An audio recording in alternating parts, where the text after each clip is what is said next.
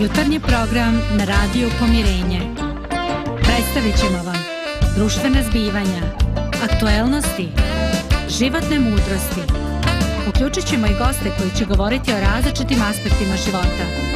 Sve ćemo bogatiti dobrom muzikom. Sve to samo za vas.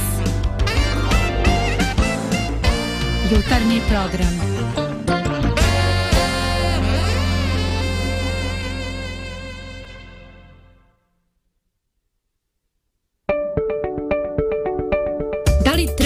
sreću. Pokreni svoj život i sve vrijednosti društva na opačke. I tada ćeš pronaći sreću. Program na opačke. Dobro jutro, dragi gledalci, dragi slušalci. Hvala vam što pratite program Radija Pomirenje. Radija koji gradi mostove. Danas sa nama u studiju su naši dragi prijatelji, sagovornici u svim našim temama o kojima razgovaramo. Tu je naša Dragana. Dobro jutro, Dragana. Dobro jutro svakome. Dobro jutro, zdravko. Ćao, čao, drugar. Lijep pozdrav, a također pozdravljamo i Lidiju koja sjedi za infopultom. Pozdrav, pozdrav. A, pa dobro, evo možda prvo jutro da vas pitam kako ste, jeste se naspavali, jeste odmorni za jednu dobru, živu diskusiju? Ko će prvi? pa moja supruga kaže ti će se nikad neš naspavati znači uvijek ja mogu još ali eto dobro je naspavan sam da. iako sam spreman iskoristiti večer koje je predavno mhm, optimističan onako treba da se odgovori da da da dobro dobro super dragi gledalci evo ja danas želim i da vam predstavim uh, program koji ćete moći da slušate svakog jutra u 11 sati uživo sa iz našeg studija Radija Pomirenje. Program možete da pratite na YouTube-u, možete da pratite na Facebooku, na našoj stranici. A, ovako možete da vidite i Draganu i Zdravka. Evo, hoću da kažem da u toku svakog radnog dana u 11 sati imat ćemo program. Svakog dana ćemo imati malo različit program. Ponedeljkom ćemo se baviti temom kao što to bilo juče, ljepota različitosti. Taj program vodi naš kolega Zdravko. Utorkom, to jest evo danas, imamo program na opačke. Program na opačke također možete vidjeti na našem studiju Reset. Teme koje se bave vrijednostima našeg društva, koje možda treba okrenuti na opačke da bismo bili sretni. Svake srijede imat ćemo program riječi mudrih ljudi. Taj program će voditi također zdravko. Četvrtkom naša Dragana će voditi program koji se zove Šarenilo u ljudima, a u petak ponovo program sa zdravkom koji će se zvati Komšija zdravko. Biće mnogo zanimljivih sadržaja, zanimljivih tema, a za danas a, bavit ćemo se malo međuljudskim odnosima u ovom našem programu na opačke. Ne znam da li ste imali nekad priliku da uđete u neke prodavnice gdje postoje posebna odjeljenja gdje se prodaju proizvodi sa posebno sniženim cijenama. Međutim, tajna zašto su tako niske cijene je u naljepnici koja se nalazi na tim proizvodima, a na naljepnici piše kao što jeste. A to znači, to je kultura način da vam kažu da su ovi proizvodi oštećeni i da svaki od njih ima neku manu, fleku koja ne može da se opere, rajfešlus koji je pokidan, dugme koje ne radi, ovi proizvodi su svi oštećeni. Nećemo ti reći gdje je mana, moraš sam da otkriješ gdje se mana nalazi. Ali ima jedno pravilo kad kupuješ ove proizvode, nema vraćanja. Cijena je minimalna, ali nema vraćanja. Kad nađeš manu, Nemoj da dođeš plačući, kukajući, e, našao sam Anu, rajfe što se ne radi. Kao, kupio se kao što jeste. Ne znam da li ste vi nekad kupovali oštećene proizvode ili da ste nekad ulazili u takva odjeljenja. Kakva su vam iskustva sa, sa takvom kupovinom? Pa čovjek se isto desi i kad se oženi uda, po pa ovo je bezazlona relativno. Šta sad? Pa shvatiš da si pukao za neke pare ili da to i u stvari nije strašno koliko si jeftino kupio da, da, da, ja sam recimo kupovala u ovoj uh, prodavnici ove um, second hand, kako se kaže. Ovaj, i, ima super proizvode, ali ima par proizvode desilo se da, da su, što kažeš, bile ili fleka ili poderano, ali sad da vraćaš, mislim, za te pare, ono, doviđenja. Nije problem kad nas upozore da ima neko oštećenje, pa onda znaš, kupio sam robu s oštećenjem, ali problem je kad te ne upozore. Ja sam jednom kupovao na pik ba naš ovoj stranici uh, gumeni čamac i tamo je sve super izgledalo. Međutim, kad sam ja to dobio brzom poštom, otvorio, sve super izgleda u kutiji, nova kutija, ali kad sam ga naduvo, bušan čamac, ispušta vazduh. Ali eto, kao što si ti rekao, zdravko, danas nećemo da govorimo o oštećenim proizvodima, nego ćemo da govorimo o jednom posebnom odjeljenju u svemiru, koje se zove kao što jeste, a to je ova naša planeta. Razmisli trenutak osobe, o nekoj osobi koju poznaješ. Možda je to osobi, baš kao što si ti rekao, koju najbolje poznaješ i koja ti je najbliža srcu. I ona dolazi sa tom naljepnicom kao što jeste. Postoji mana, postoji neko oštećenje. Kad pronađeš tu manu, nemoj da plačeš i nemoj da kukaš, zato što ta mana dolazi sa mnom, moraš da prihvatiš kao što jeste, takva sam kao što jesam. Ali što još gore, ne samo da drugi ljudi imaju tu naljepnicu da su pomalo oštećeni, nego i mi isto imamo tu istu naljepnicu svi mi imamo određene slabosti, imamo određene mane koje ne možemo da popravimo, fleke u karakteru. Svako ljudsko biće na ovoj planeti nosi tu naljepnicu. Pa ja možda da vas pitam, da li vam je lakše da vidite oštećenja u drugim ljudima ili da ih vidite u sebi? Isto. Pa. Ja sam baš razmišljala o tome ovaj, više puta. Uh, da li sam ovaj, kritizerski raspoložena prema drugima ili prema sebi, koga više ne poštujem ili onda sam shvatila pa nije to, to je analiziranje jednostavno nekih osobina i vidim da šta znam, spremna sam i za sebe i za druge da, da razmišljam o tome šta je lijepo čovjeku također ali isto tako i da prihvatim to da postoji ta mana i šta bi sad i kod mene i kod drugih. vi ste baš dobri ljudi. Ovaj, ja sam skupio dosta tih godina, ako treba nekome, evo ja ima viška, mogu da podijelim. Ovaj, ono što mene ovako uznemirava, a to je mi smo najsuroviji u osuđivanju mana koje imaju svoj pandam, svog dvojnika u nama.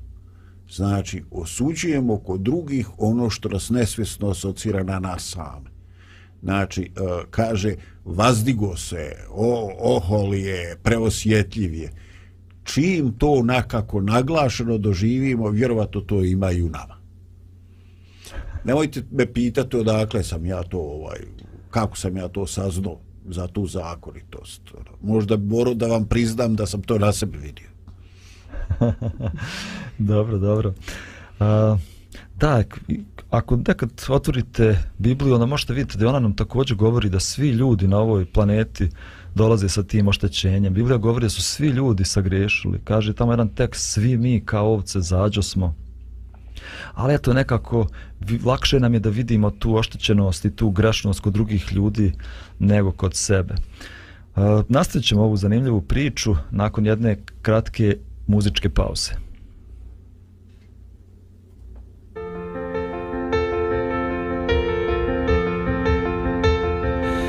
si tek sretno dijete S glavom u školskoj torbi A meni tridesete Prošle u vječnoj borbi Svima da udovoljim Samo se time bavim Za nas da nešto stvorim I kruh na stol da stavim I tako dan za danom gdje god me život šalje s ponekom novom ranom ali ipak moram dalje i ništa mi teško nije za tebe sve bih dao sve tajne svijet što krije eh kad bi barem znao ali strah me jer odgovore odgovore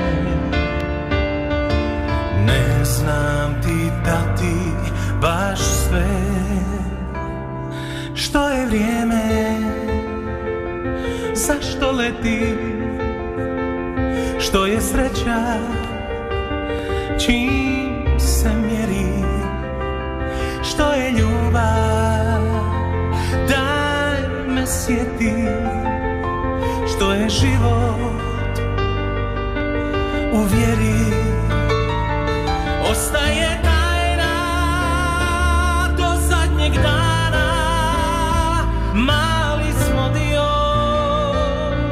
našega plana A svaki dan Novi je dan Za tebe nova prilika Da budeš bolji nego ja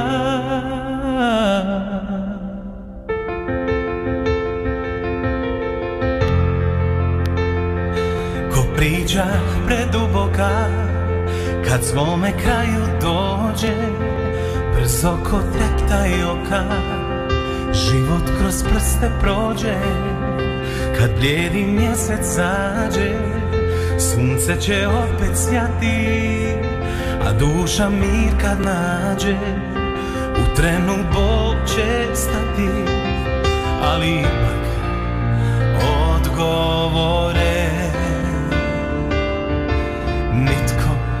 od nas ne zna sve Što je vrijeme, zašto leti Što je sreća, čim se mjeri Što je ljubav, daj me sjeti Što je život, uvjeri me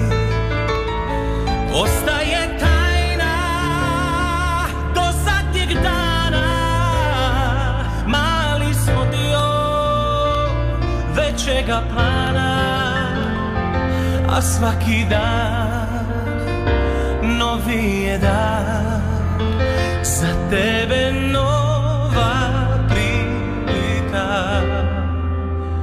da budeš bolji nego ja za tebe nova prilika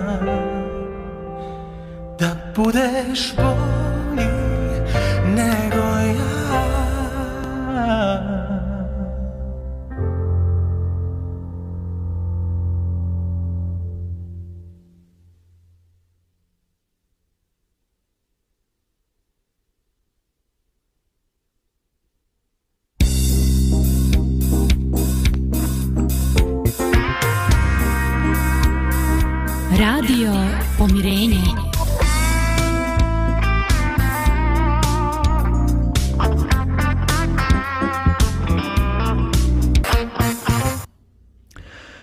evo nas ponovo uživo u programu.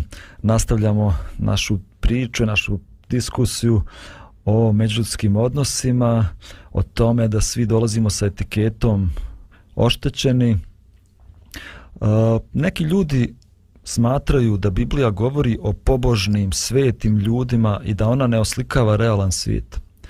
Kad ja to čujem, onda znam da ti ljudi nikad u životu nisu otvorili Bibliju. Zato što kad otvorimo sveto pismo ili Bibliju, nailazimo na mnoštvo poremećenih međuskih odnosa, e, loših brakova, čitamo o Kainu koji je ljubomora na svog brata i ubija ga, Lameh uvodi mnogoženstvo u svijet, Noe, najpravedniji čovjek u čitavoj generaciji, se napio i prokleo svog unuka, Avram favorizuje Isaka u odnosu na drugog sina Ismaila i oni postaju otuđeni. Isak favorizuje Jakova u odnosu na Isava, oni postaju ljuti neprijatelji. Jakov favorizuje Josifa u odnosu na drugu braću, na kraju braća pokušavaju da ubiju Josifa, prodaju ga u neku stranu zemlju. Njihovi brakovi su katastrofa i da ne nabrajam dalje i dalje, ako ste nekad čitali Stari Zavjet, onda ste mogli da se upoznate sa svim ovim detaljima njihovih rasturenih života, rasturenih porodica, rasturenih brakova. A možda evo pitanje, jedno malo teološko pitanje. Zašto nam pisci Biblije iznose sav ovaj prljav veš? Pa, uh, jako dobro što si primijetio. Uh, e, sve to pismo se razlikuje od nekih standardnih e, romantičnih žitija svetaca kao ili nečega što postoji u narodnoj tradiciji kad je nešto ono ljepota ne može biti bolje. Uh, E, ja sam u životu više puta doživljavao da ljudi koji otvore ili čuju nešto iz svetog pisma da pitaju kože kakva je to sveta knjiga kad govori o svim tim stvarima e, jednostavno ljudi doživljavaju e, da su to sveti spisi zato što oni govore samo o pozitivnim stvarima u stvari veličina svetog pisma jeste u tome što ona govori i to surovo realno o tome kakav stvarno život jeste sa propustima, kako ti kažeš, najboljih i najpoznatijih ljudi i onda sa mogućnošću da se i takvi uzdignu da prevaziću neke svoje uh, genetske, porodične, kakve li god lične sklonosti i temperamente. Mm -hmm. Hvala ti, Zdravko. Meni Biblija liči na učbenih života. To, to je moje ovako lično gledište, kako ja doživljavam tu knjigu.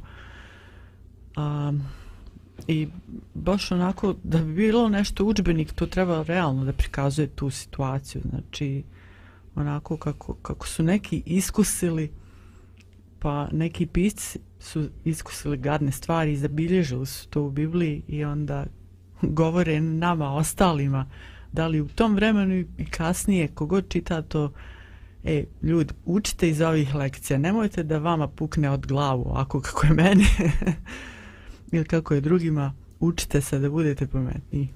Mm -hmm, super, super. Ja bih također dodao da sve ov, sva, sva ovaj prljav veš koji nam se iznosi u stvari nam ukazuje na jednu važnu teološku istinu, a to je da smo svi čudni. Kao što smo već rekli, svi mi kao ovce zađo smo. Svako od nas ima navike koje ne može da kontroliše, postupke iz prošlosti koje ne možemo da izbrišemo, mane koje ne možemo da ispravimo. Imamo sklonost da griješimo. Ne znam, žrtvujemo poštenja zbog par maraka. Kad nas policija zaustavi, jo, stvarno nisam vidio to ograničenje. E, ogovaramo druge zbog kratkotrajnog osjećanja superiornosti. Na poslu stvaramo lažne impresije produktivnosti da bi mogli bolje da napredujemo i brže da napredujemo. Volimo da naređujemo uživamo u osjećanju moći. Problem sa ljudskom rasom nije nekoliko pokvarenih jabuka, nego je problem što su sve jabuke pokvarene i sve su jabuke trule, svi smo čudni i to nam pisci Biblije žele da istaknu. Međutim, naš problem je u tome što iako imamo mane, iako dolazimo sa oštećenjima, mi želimo imamo potrebu da izgradimo dobre odnose sa drugim ljudima, da imamo bliske odnose sa ljudima. Negdje sam pročitao da djeca, mala djeca, novorođenčad, koja nisu uh, držana u rukama i nisu dodirivana, od, dodirnuta od strane roditelja, iako imaju roditelje koji im daju hranu, uh, odrastaju i kad odrastu pate od teških neuroloških problema. Znači, mi imamo potrebu za međuskim odnosima. Neko je to nazvao agonijska potreba da znamo i da nas znaju, da budemo bliski sa drugim ljudima. Ali nam je problem kako da uspostavimo odnos sa ljudima koji su oštećeni poput nas, koji također imaju mane kako prići blizu, a ne biti povrijeđen. E o tome ćemo nastaviti da razgovaramo u nastavku ove naše emisije, a prije toga čućemo još jednu muzičku numeru. Muzika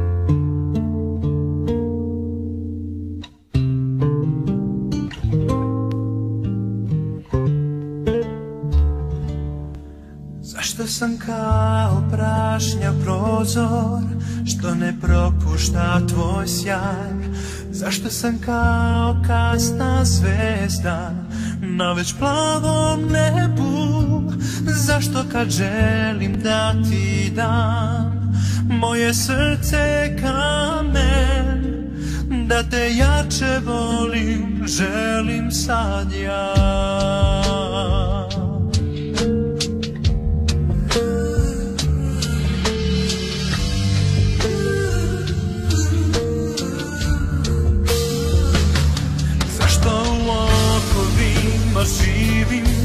kad oslobodio si me Zašto još slamam srce tvoje Pre nego kleknem pred tobom Ja znam za promenu je vreme Da dam celog sebe Da te jače volim, želim sad ja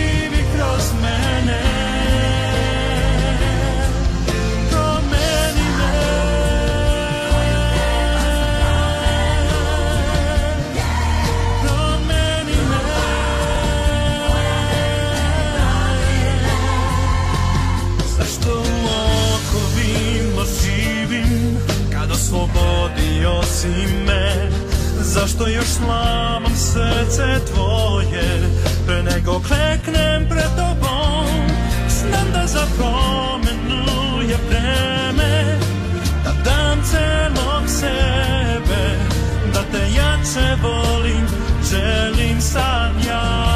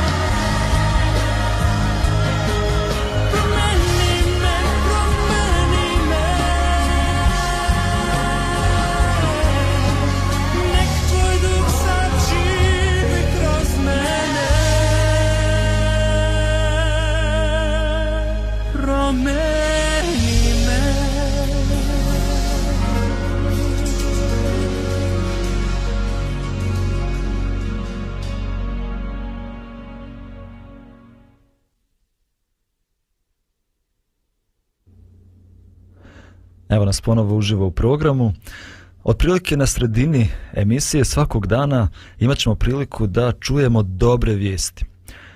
Juče smo čuli prve dobre vijesti. Dobre vijesti su tu da nas motivišu, da nas ohrabre, da nam pokažu neki dobar primjer nekog čovjeka, neke organizacije, nekog udruženja koji rade nešto dobro za druge ljude.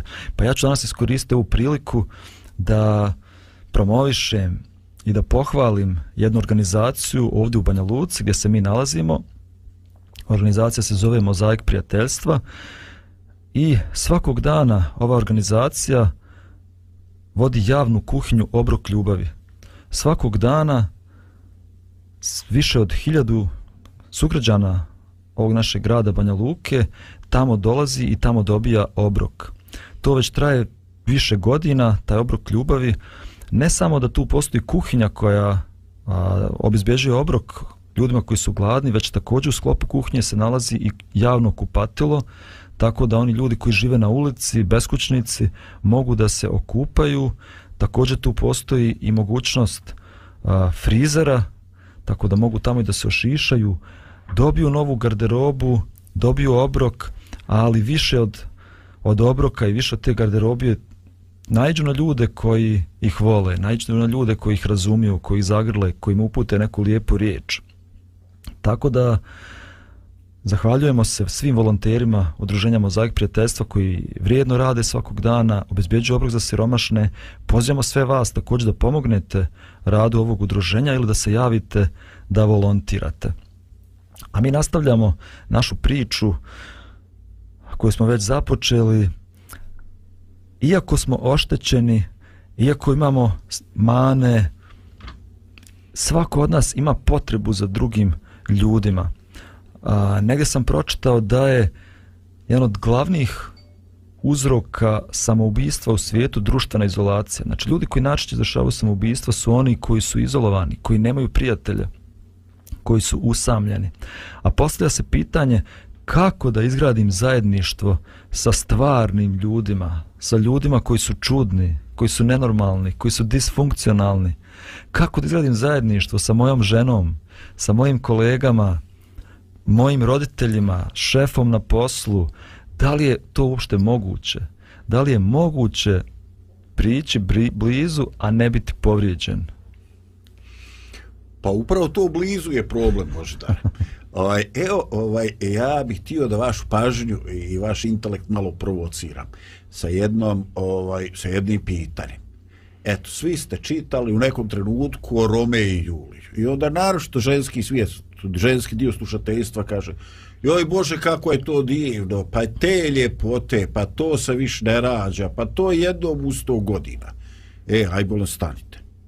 Ja danas pitam, šta bi se desilo da se ljubav između Romeja i Julije realizovala? Šta bi se desilo da su oni ušli u brak? Šta bi se desilo da on počeo da zvoca, pa jer ja i danas moram jest onaj grah prasulj od juče?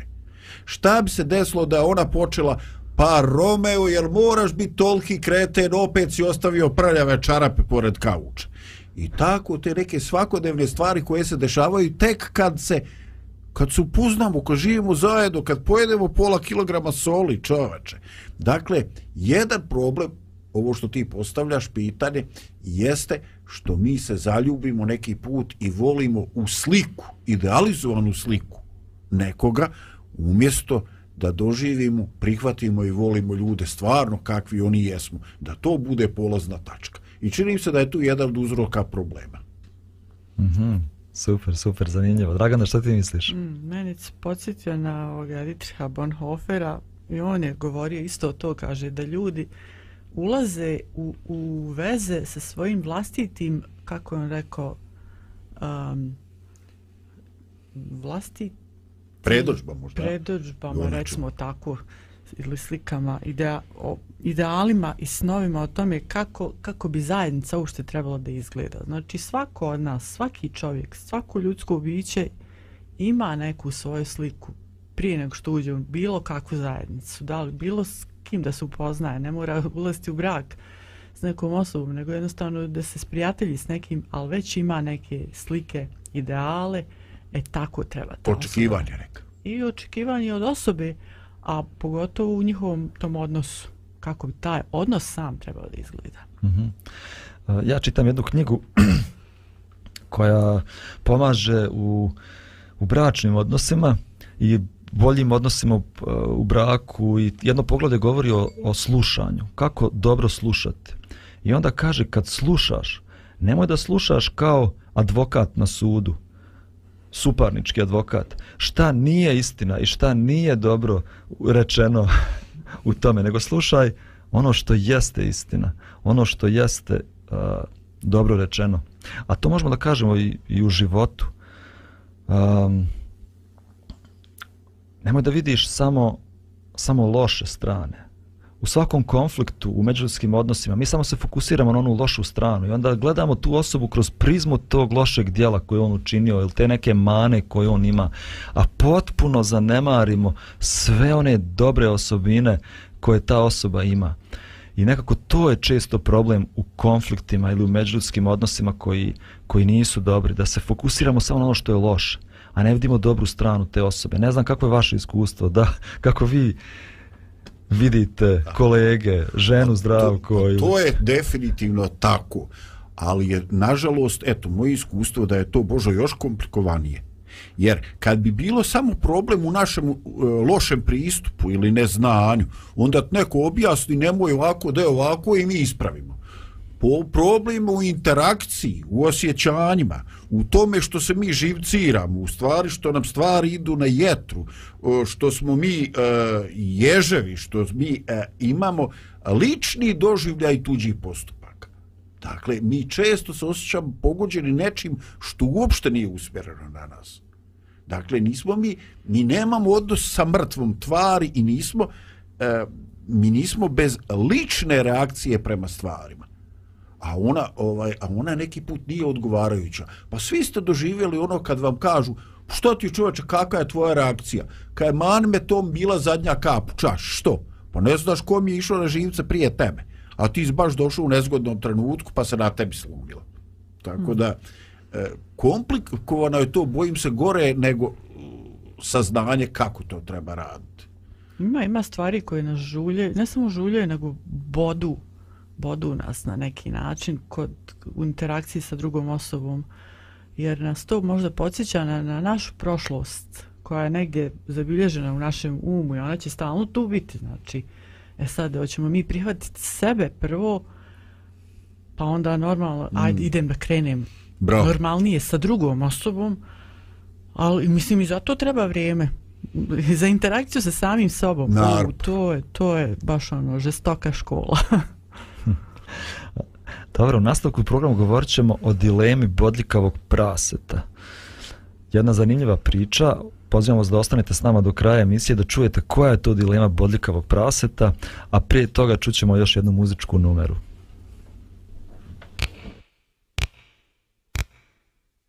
Rad!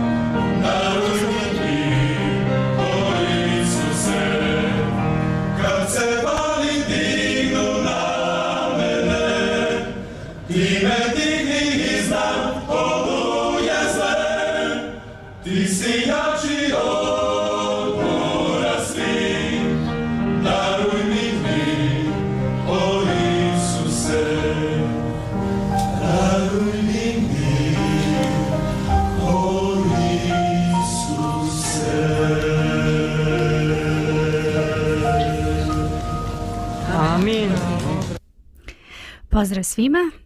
Uh, kao što znate, sada sledi segment servisnih informacija. A, od informacija za vas danas imam sledeće. Kada je u pitanju temperatura, a, danas je nešto malo hladnije a, nego što je bilo juče. I još a, da napomenem da možete očekivati u većini gradova u Bosni i Hercegovini da će a, padati kiša. Znači postoji mogućnost, tako da ako negde planirate da idete, ponesite vaše kišobrane sa sobom. Što se temperature tiče, najviša će danas biti u Mostaru 16 stepeni, a najniža u Brčkom i u Bijeljini 8 stepeni. U um, Sarajevu će biti 12 stepeni, danas maksimalna temperatura, u Banja Luci 11 stepeni. Tako da, eto, otprilike to je što se tiče a, e, informacija vezanih za trenutnu temperaturu i za temperaturu u um, toku današnjeg dana. Znači, još jednom ponesti kišobrane, treba će vam.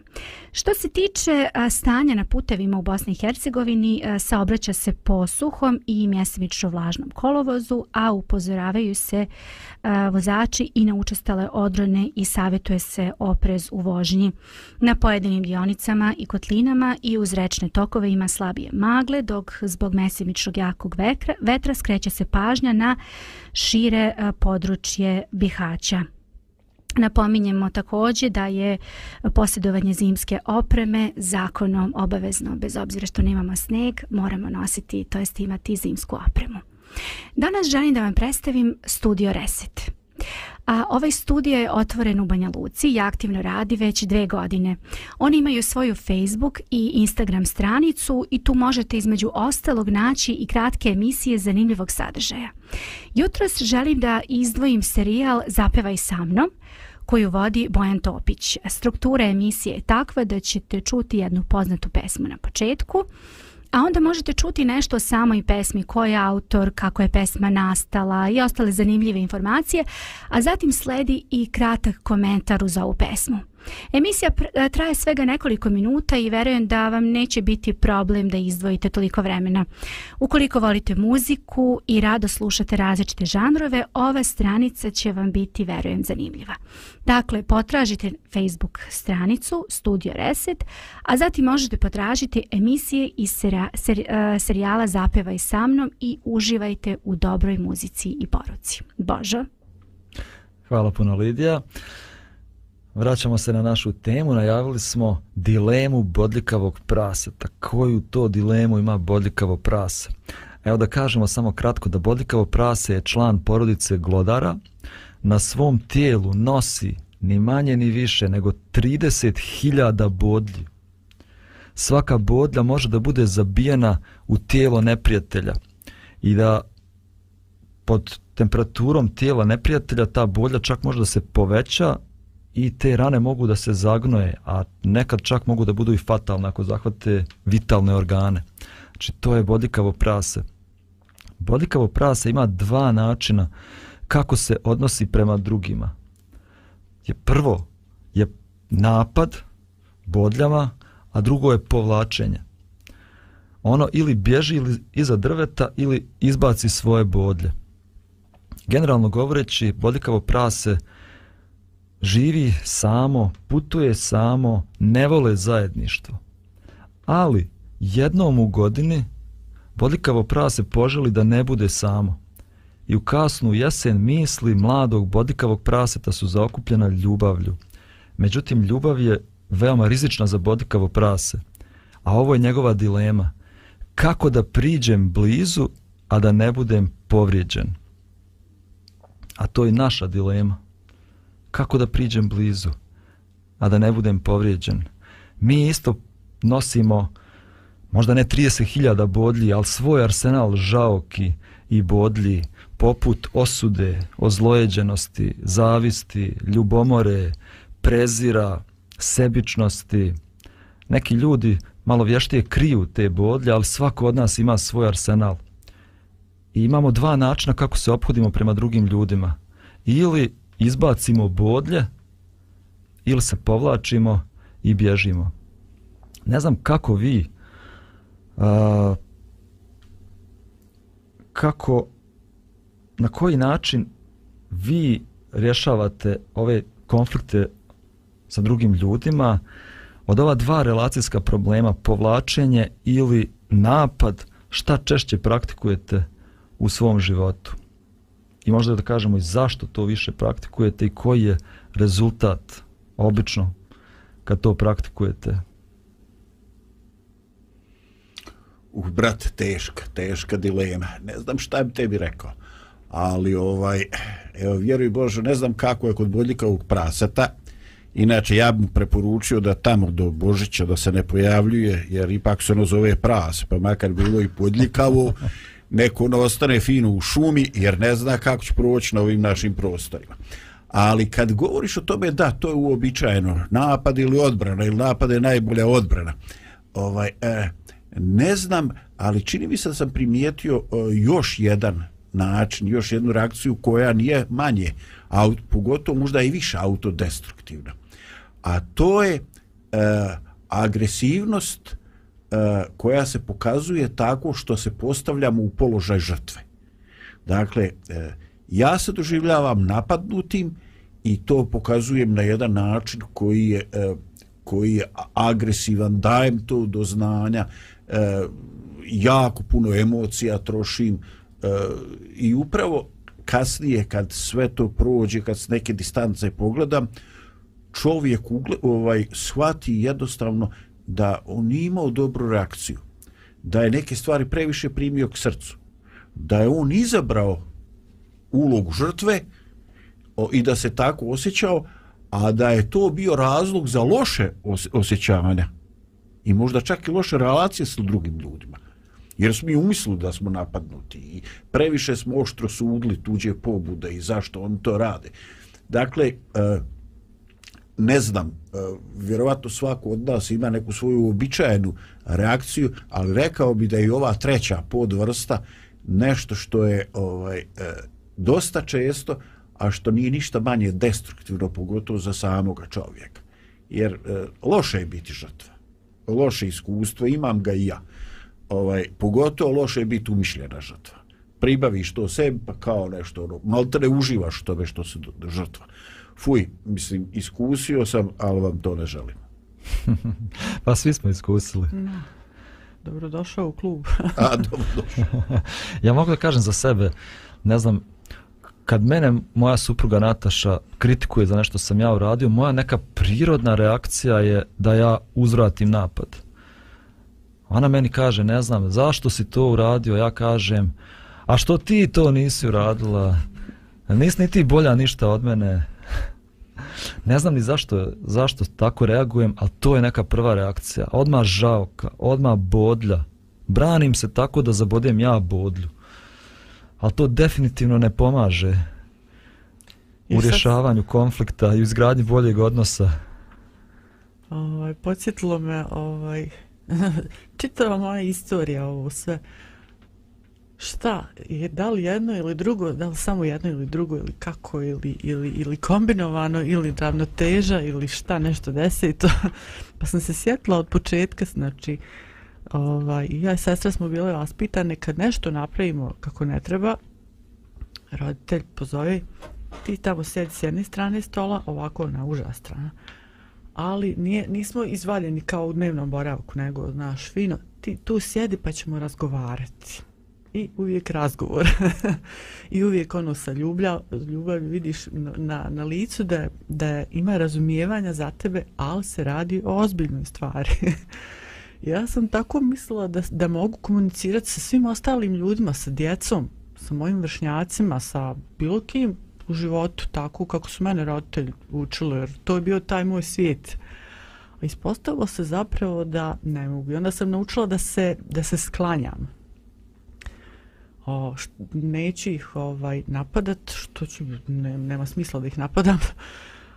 ovaj, jes da su oni malo neki oštri prema meni, ali nema veze, ja ću skloniti. I onda sam on, i ja shvatila, što da ja budem žrtva? I onda sam ja promijela ploč i hop, postala sam i ja onako, ja bacam bodlje, znaš onda sam primijetila kod sebe, čeka malo, ti si malo prešla mjeru. da, bodljikao prase je postalo bodljikavi prasac. Uuu, ovaj, žestoko čovječe, ko rimski oni vojnici. Da, gladijač. onda sam, onda, čekaj, čekaj, onda sam se opet sjetila tih dana u djetinstvu, čekaj, a malo se uravnoteži. I onda, kako, kako, i onda opet treba vrijeme, znaš, da se vratiš ponovo u to, da vidiš, da ne budeš baš ni žrtva, da nemaš te nepotrebne rane. Ova, a I da, ali isto tako, jednostavno da, da stvaraš, samo da, da ljudima kažeš, e, ovdje je jedna granica, pa sad ti vidi, hoćeš li preći, pokušati preći kod mene, znači, ali tu je neka granica, to, to je red, takav, nemoj da prelaziš ovu granicu, jednostavno na takav fin način da kažeš tako ljudima. Mhm. Dobro, zanimljivo je, mislim, svako od nas ima iskustva o ovom o čemu govorimo, A, obično dva načina kako, kako reagujemo u svim međuskim odnosima jeste ili da mi vratimo, ili da mi zabijemo bodlju, ili da pobignemo, ili da se sakrijemo. Međutim, to ne pomaže, zato što ako tako reagujemo, nećemo im, nikad imati prave, duboke međuske odnose. Možda površne odnose, ali nikad bliske odnose a kako bodljikavo prase rješava to pitanje, svoj, tu svoju dilemu. O tome ćemo govoriti u zadnjem segmentu naše emisije, zato ostanite s nama, a prije toga još jedna muzička numera.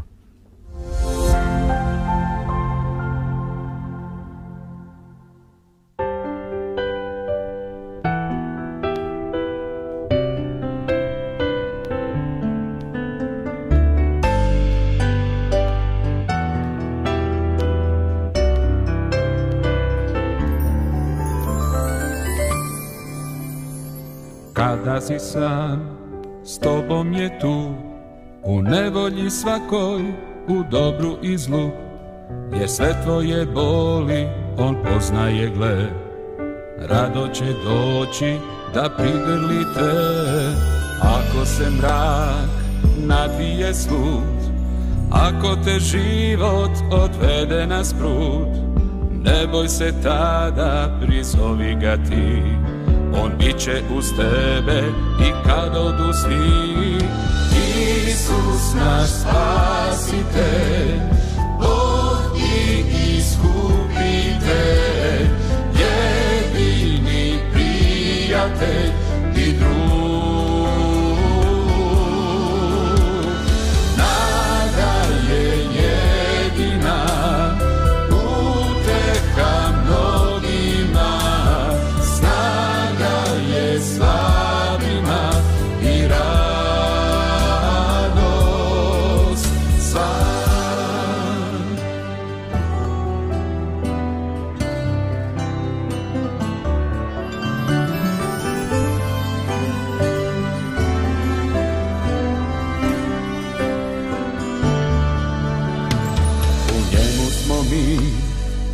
spaseni svi Od greha i smrti smo izbavljeni Sa njime nam otac naš daruje sve Ne boj se zato, on voli te Isus naš spasitelj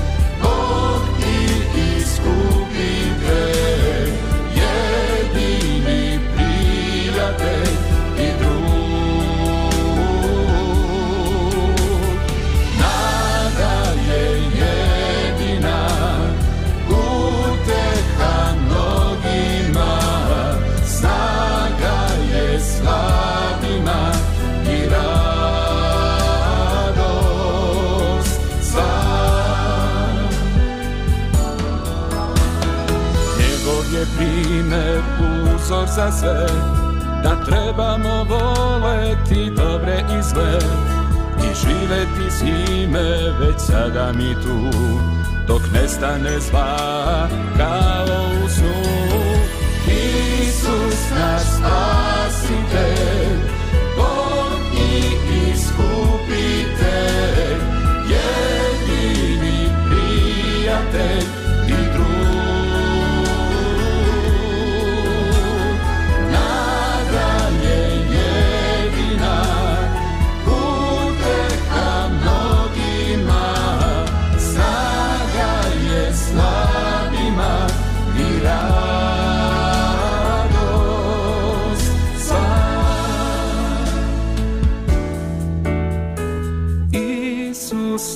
spasite, Bog i iskupite, jedini prijatelj i drug.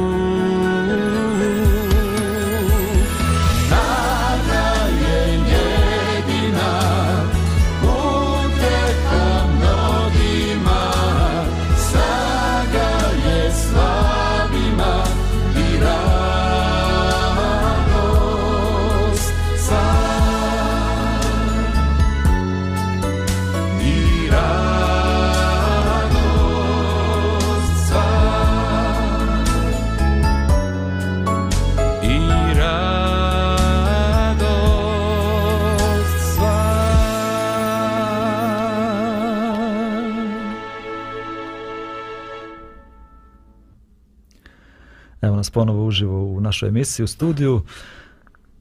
Dilema bodljikavog praseta, kako da priđem blizu, a da ne budem povrijeđen.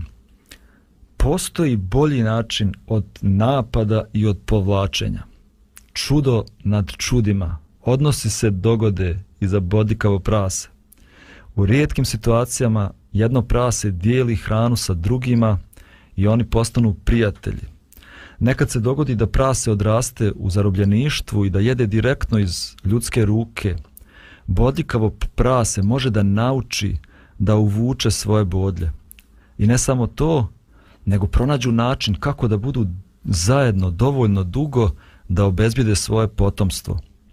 David Kostelo predivno opisuje proces parenja bodljikavog praseta. Kaže ovako, mužjaci i ženke mogu provesti nekoliko dana zajedno prije parenja oni dodiruju jedno drugom šape i čak hodaju na zadnjim nogama u svom takozvanom plesu bodljikavog praseta. Postoji odgovor na pitanje kako bodljikavo prase vodi ljubav. Ono uvuče svoje bodlje i uči da pleše. Bodljikavo prase uči da on sam, kao i svi ostali prijatelji, dolazi sa etiketom kao što jeste – poput nas ljudi, juči da uvuče svoje bodlje. A, ne znam kako se vama sviđa ova priča o boljkavom prasetu i kakvu, kakvu pouku možemo da donesti da dobijemo za nas ljude, za naše međuljudske odnose, kako da priđemo dovoljno blizu, kako da naučimo da uvučemo bodlje. Pa ti si rekao da je uh, da je problem u stvari strah od povređivanja. Ovaj, I čini mi se kako vrijeme prolazi, da u moderno vrijeme, kako neki, neki ljudi to zovu, e, sve više ljudi se plaši emocija od straha, od povređivanja. Ali ovaj, rekao bi da se i rizik isplati. Jer ako ne poduzmeš rizik i ako ne budeš spreman da budeš povrijeđen, definitivno ćeš biti ovaj, čovjek koji neće doživjeti to iskustvo koje na neki način daje i puninu smisla našem životu. O, I malo me to asociralo. Eto, ja se prije godinu dvije o, počeo da plašim da će se ovaj mladi zaljubljivati i prve poljubce imati kroz maske. A laj izgleda da reć bi tako super je. Tako da nekako bodljikavo prava se i prava se s maskom i nekako ispade ovaj, slično.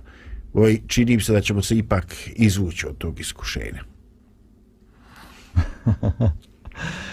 Bez obzira koliko ima ljudi koji bi zloupotrebili tu osjetljivost kod svakog čovjeka, ali ima mnogo, masa, masa ljudi koja tako voli i cijeni kada čuje tuđe iskustvo kada je bio povređen i kako je prevazišao, možda i nešto i nije prevazišao, svejedno jedno toliko ljudi cijene kada to čuju um, i zahvalni su toj osobi, sami izražavaju tu svoju zahvalnost i sve što osjećaju, jer znaju, možda nisu imali ista ili slična iskustva u pogledu istih stvari, ali jednostavno ljudi cijene to kada neko se tako otvori i onda kaže i onda i sam zaključi ej pa čekaj nisam ja jedini koja, koji je osjetljiv ima svi su drugi takvi. Super mi je to. to im daje utjehu. To da. daje utjehu. Da. A ovaj, zar ne, za, ovaj, ja pomišljam upravo to što ti, Dragara, kažeš. Da je ta spremnost da se pokaže ranjivost upravo nas preporučuje kod nekih ljudi. I ovaj, e, jednostavno ljudi su spremni da se i oni otvore prema nama ovaj, kad mi idemo bez oklopa. Mm nismo gladijatori, nego ovaj e, ulazimo u nešto i pokazujemo da smo ranjivi.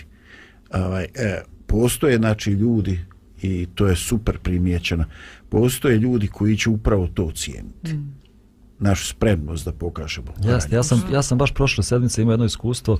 Jedna osoba mi je došla i rekla, pričala kako je jedna druga osoba prijatelj, kolega na poslu je povrijedila i baš strašno je povrijedila i ta, ta osoba koja je razgovarala sa mnom bila je strašno povrijeđena. A i bila je ljuta čak na tu osobu. Ja sam rekao, jedini način da se to riješi, odiš da razgovaraš s tom osobom, zato što ta osoba vjerovatno nije ni svjesna da ona tebe povrijedila. Njoj je bilo mnogo teško da ode, jer je navikla u životu da se povlači. Nosi u sebi tu gorčinu, ali se povlači, nije spremna da se suoči ove, sa, sa drugima. I ja sam je nekako nagovorio, ona je otišla kod te osobe i vratila se, poslije radosna, srećna, suze u očima, bilo je super, pomirili smo se, uspostavili smo dobar odnos.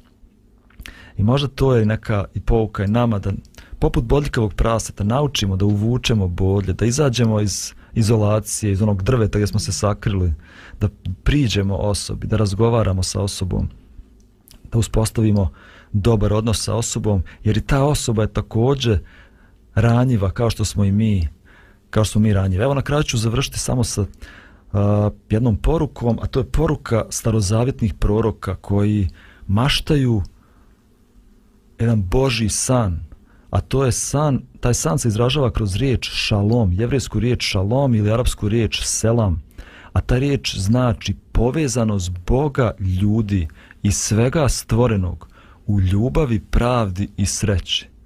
To je Boži san za ovu našu planetu i moja želja da svi mi budemo Boži saradnici u širenju ovog njegovog sna i ostvarenju ovog njegovog e, sna na zemlji. Želja za Bosnu i Hercegovinu, ovu našu zemlju gdje mi živimo, da svi mi budemo povezani sa Bogom, da budemo povezani jedni sa drugima i povezani sa prirodom u ljubavi, pravdi i sreći. Eto, neka nas ove misli vode u nastavku ovog dana. Ovako ovim odjavljujemo i naš program i pozivamo da sutra budete ponovo sa nama u 11 sati. Doviđenja.